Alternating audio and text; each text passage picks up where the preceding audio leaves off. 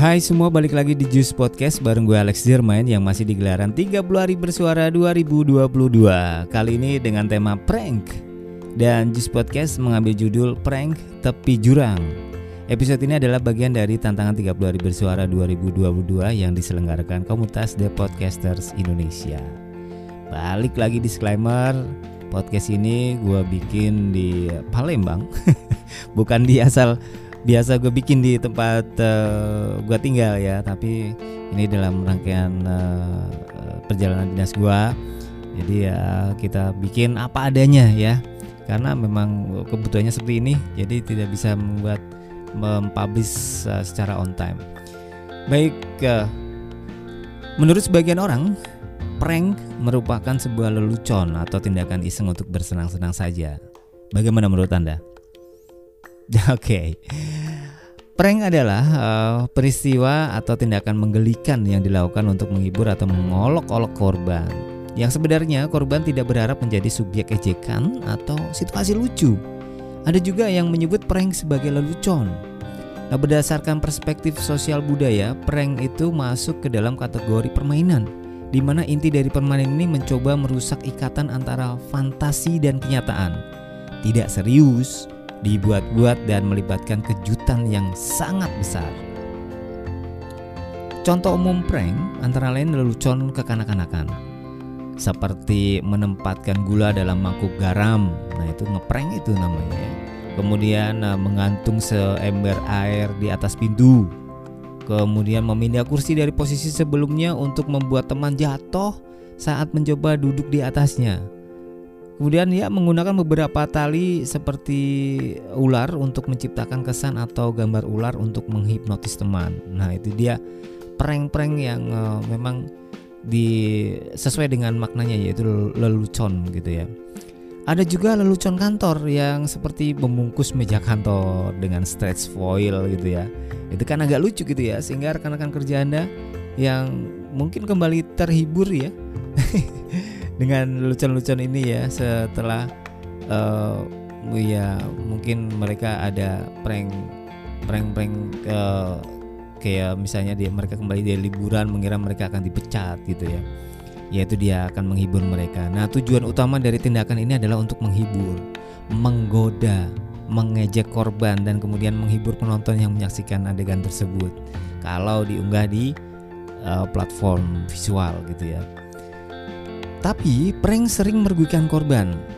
Berdasarkan pengertian-pengertian prank, semestinya prank itu bersifat menghibur semua orang ya, mulai dari si pembuat prank, penonton, sampai korban itu sendiri. Tapi sebagian besar korban tidak merasakan hal yang sama. Para korban juga merasa terintimidasi dan dilecehkan. Tindakan prank yang diterima korban itu lebih serius dari yang diharapkan dan mengakibatkan hasil yang sangat memalukan atau membahayakan korban. Prank itu bisa sangat berbahaya dan akhirnya menghancurkan kehidupan korban. Ada itu ya seperti itu ya. Um, kemudian ada beberapa yang pelajari tentang prank ya. Selama bertahun-tahun sudah dipelajari, sering kali dalam konteks uh, pelecehan, intimidasi dan segala macam pengucilan dan prasangka jahat. Dan penelitian terbaru menunjukkan bahwa pengalaman ditipu dapat membangkitkan refleksi diri dengan cara yang sangat sedikit yang bisa dilakukan oleh pengalaman lain. Nah, prank adalah humor tetapi beberapa humor bisa berbahaya bagi korbannya. Tergantung pada sifat leluconnya dan korban gitu ya. Selain itu, selera humor seseorang itu tidak hanya subjektif tapi dapat sangat bervariasi pada gender, etnis, status ekonomi dan kebangsaan ya. Dan prank juga dapat mengakibatkan dampak buruk. Prank yang berlebihan dan tidak dapat diterima oleh korban itu bisa memberikan beberapa dampak buruk. Nah, ada beberapa dampak buruknya ya. Seperti uh, sesuai dengan judul prank tepi jurang tadi ya, bahwa itu bisa memicu stres ya. Prank yang terlalu berlebihan itu dapat menimbulkan perasaan marah, frustasi dan sedih bahkan. Terlebih jika yang melakukan prank orang yang lebih tua atau lebih berkuasa.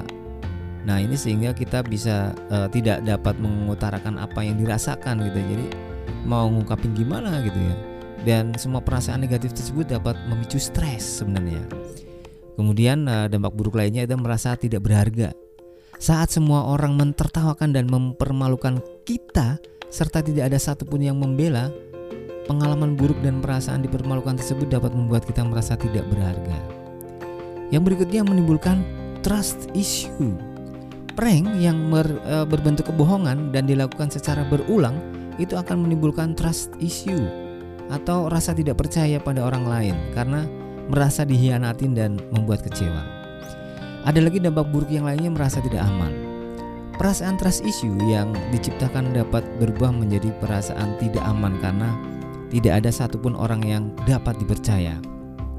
Dan ini uh, uh, sudah banyak case-nya ya bahwa kehilangan kepercayaan sama orang-orang di sekitar itu kayak gegara prank itu sangat berbahaya gitu ya.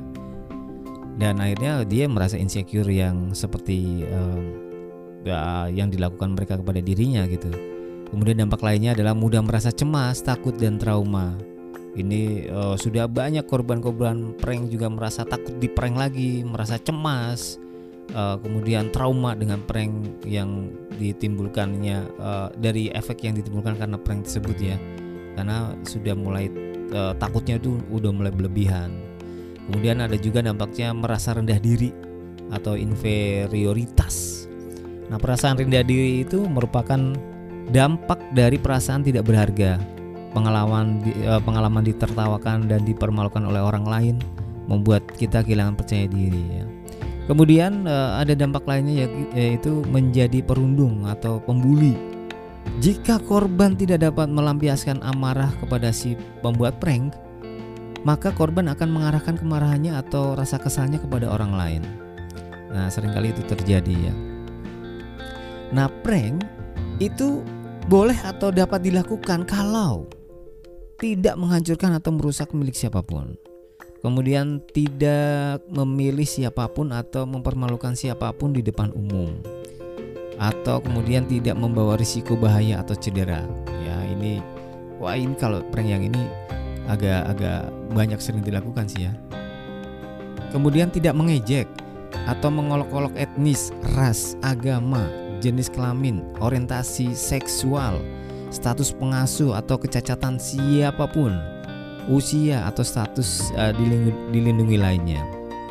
Jadi, kalau Anda ingin uh, untuk melakukan prank dalam waktu dekat ini nanti ya coba deh Anda pikirkan dulu uh, dampak yang akan ditimbulkan apakah Anda akan senang kalau mendapat perlakuan yang sama seperti yang didapatkan oleh korban. Jika tidak, maka jangan dilakukan. Nah, itulah ya. Uh, kali-kali aja prank Anda tapi jurang gitu ya, sangat berbahaya buat si korban maupun resiko dengan Anda sendiri. Maka hati-hati dengan prank.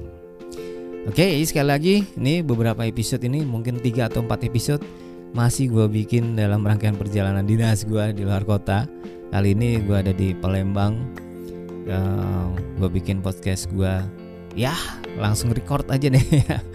langsung publish. Ya udah. Alright, sekian episode kali ini dan nantikan episode-episode berikutnya dari Juice Podcast. Gue Alex Jerman pamit. Bye.